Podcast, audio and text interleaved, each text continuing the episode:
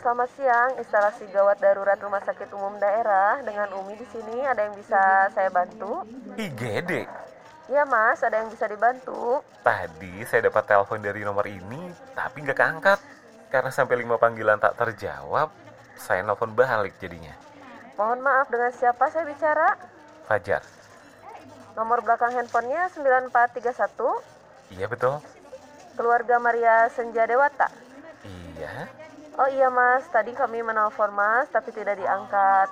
Maaf mbak, tadi saya lagi kerja, jadi nggak bisa ngangkat telepon.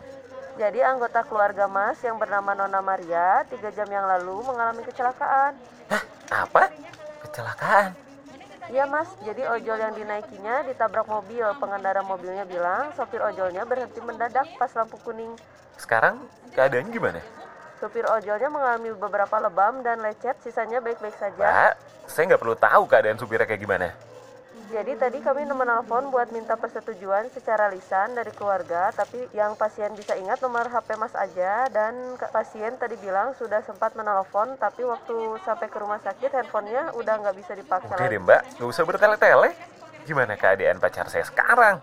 Pasien sedang ada di ruang operasi, lengan kanannya patah dan kami harus pasang implan. Ligamen paha kanannya robek dan ada beberapa luka yang lebam. Kami sudah memberi dua macam injeksi anti nyeri, tapi nyerinya tetap di skala 8 dan kami tidak bisa menunggu lebih lama karena pendarahan. Nanti saya telepon orang tuanya mbak. Makasih udah nelfon saya.